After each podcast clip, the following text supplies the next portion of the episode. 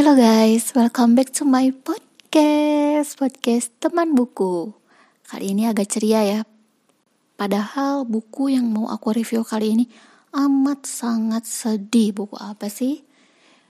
Kali ini aku akan nge-review novel Confessions Karya Minato Kanae yang diterbitkan oleh penerbit Haru.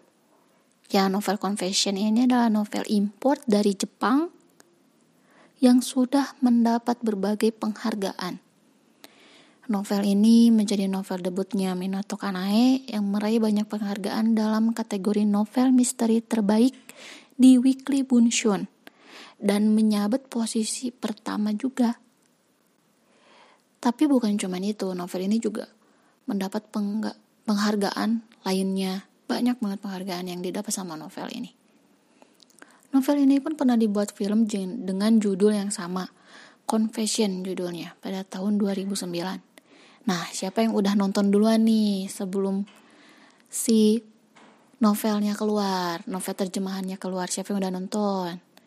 Nah, termasuk aku sih udah nonton. Tahun 2000, sekitar 2010 lah.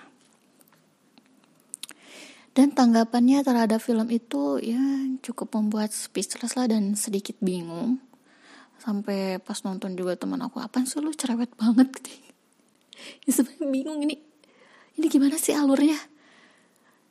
Ini gimana sih? Ini kok kayak gini sih? Ya kayak gitulah.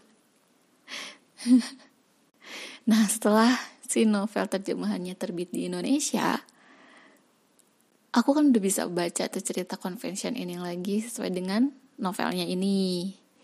Dan lebih mengerti alur ceritanya dibanding uh, pas nonton si filmnya tapi ya tetap aja tanggapannya ya speechless speechless juga kok kok bisa gitu kayak begini Nah, kenapa sih bisa kayak gitu? Karena si novel ini berkisah tentang pembalasan seorang ibu terhadap pembunuh anaknya yang masih kecil. Kebetulan anaknya itu sekitar lima tahunan dan si ibu ini pada saat itu dia menyandang posisi guru dan menemukan bukti bahwa yang membunuh anaknya adalah murid didiknya sendiri. Ngeri kan? Nama dari guru ini adalah Yuko Sensei. Pembalasannya ini sungguh bikin aku terheran dan gak bisa berkata-kata karena dia tidak serta-merta membalas seperti sorry nih melukai pelaku, menyiksa atau mungkin yang lebih buruk membalas membunuh si pelaku. Tapi karena si pelaku ini murid SMP dan dia membuat pembalasan yang menurutku lebih seram, membalasnya dengan serangan mental. Iya, serangan mental.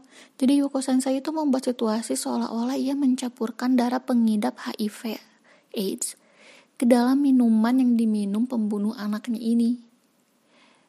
Jadi dia ada di satu kelas dan kebetulan uh, settingannya itu diwajibkan untuk meminum susu setiap hari.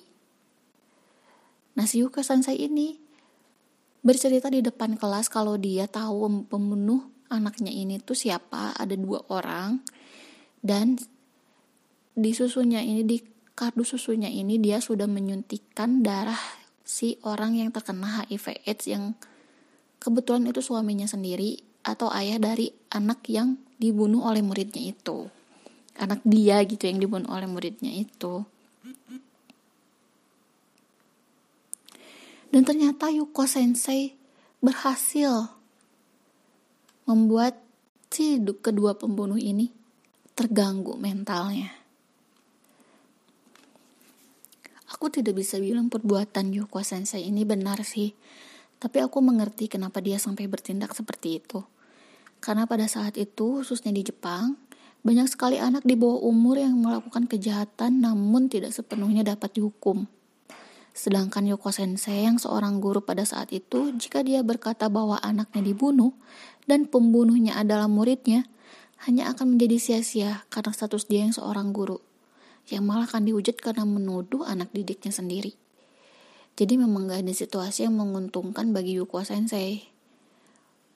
Uh, yang lebih lengkapnya kenapa bisa seperti itu bisa dicari di Google. Um, apa namanya soal hukum kepada anak di bawah umur. Karena memang di Jepang agak ngeri sih. Anak di bawah umur bisa istilahnya apa ya melakukan perbuatan yang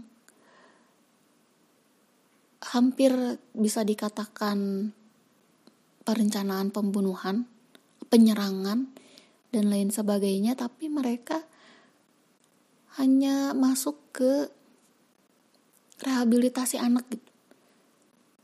Atau ada yang lebih parah tidak bisa dihukum. Karena ada undang-undang pelindungan anak itu. Kalau aku salah mohon dikoreksi ya. Yang aku tahu sih seperti itu.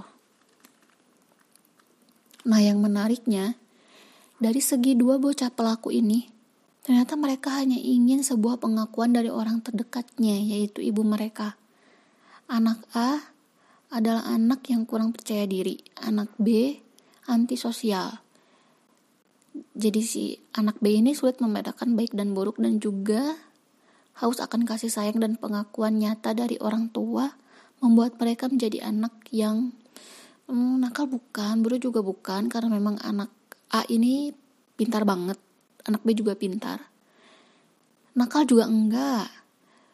Mungkin bisa disebut menyimpang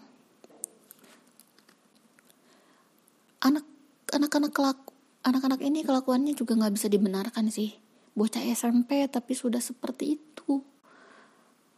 Yang satu orang tuanya terlalu protektif menganggap anaknya yang paling benar itu udah bukan suatu hal yang baik.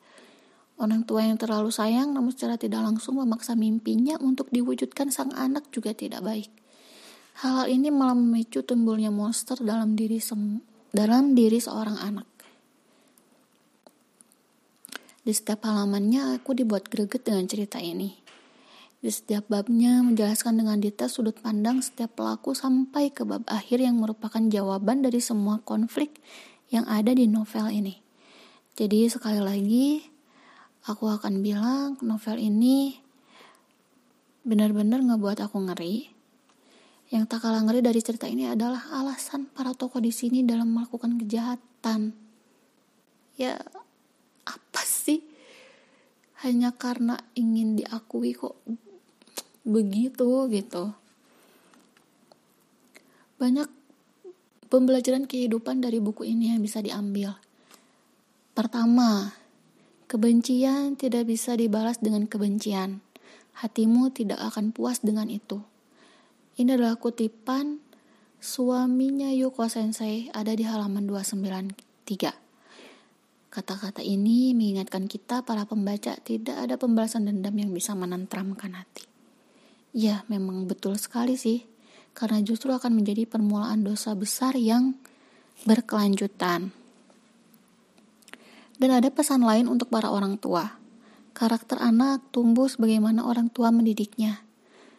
Sosok ibu yang memberikan perhatian terlalu besar dengan tidak sadar malah menumbuhkan sosok seorang anak yang tidak diduga sebelumnya, menjadikan seorang anak yang haus akan perhatian dan juga pendendam yang sanggup melakukan apa saja, bahkan hal negatif sekalipun. Anak-anak butuh pemerhati, edukasi yang tinggi tentang mana yang baik dan mana yang benar. Selalu membenarkan apa pun yang dilakukan anak juga bukanlah tindakan yang bijak. Memaksakan mimpi orang tua terhadap anak juga bukan tindakan yang bijak. Anak-anak perlu diajarkan wawasan yang luas yang tentunya dengan pengawasan yang baik, bukan hanya melulu soal akademis.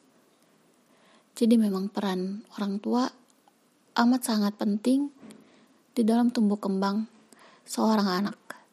Jadi tidak hanya di sekolah, tapi di rumah pun peran orang tua itu sangat penting. Dan bagi teman-teman yang malas membaca novelnya, kan bisa menonton filmnya lagi bagi yang belum menonton filmnya. Karena sebenarnya 90% isinya sama. Tapi aku lebih sarankan lagi untuk membaca novelnya terlebih dahulu kalau memang punya novelnya. Barulah itu menonton filmnya karena antara film dan novelnya akan saling melengkapi. Oke, okay, thanks banget udah mendengarkan sampai habis. Sorry nih kalau agak kepanjangan. Jika ada kritik dan saran boleh dikirim ke Instagram at ikari.nasuke. Sampai jumpa di episode selanjutnya.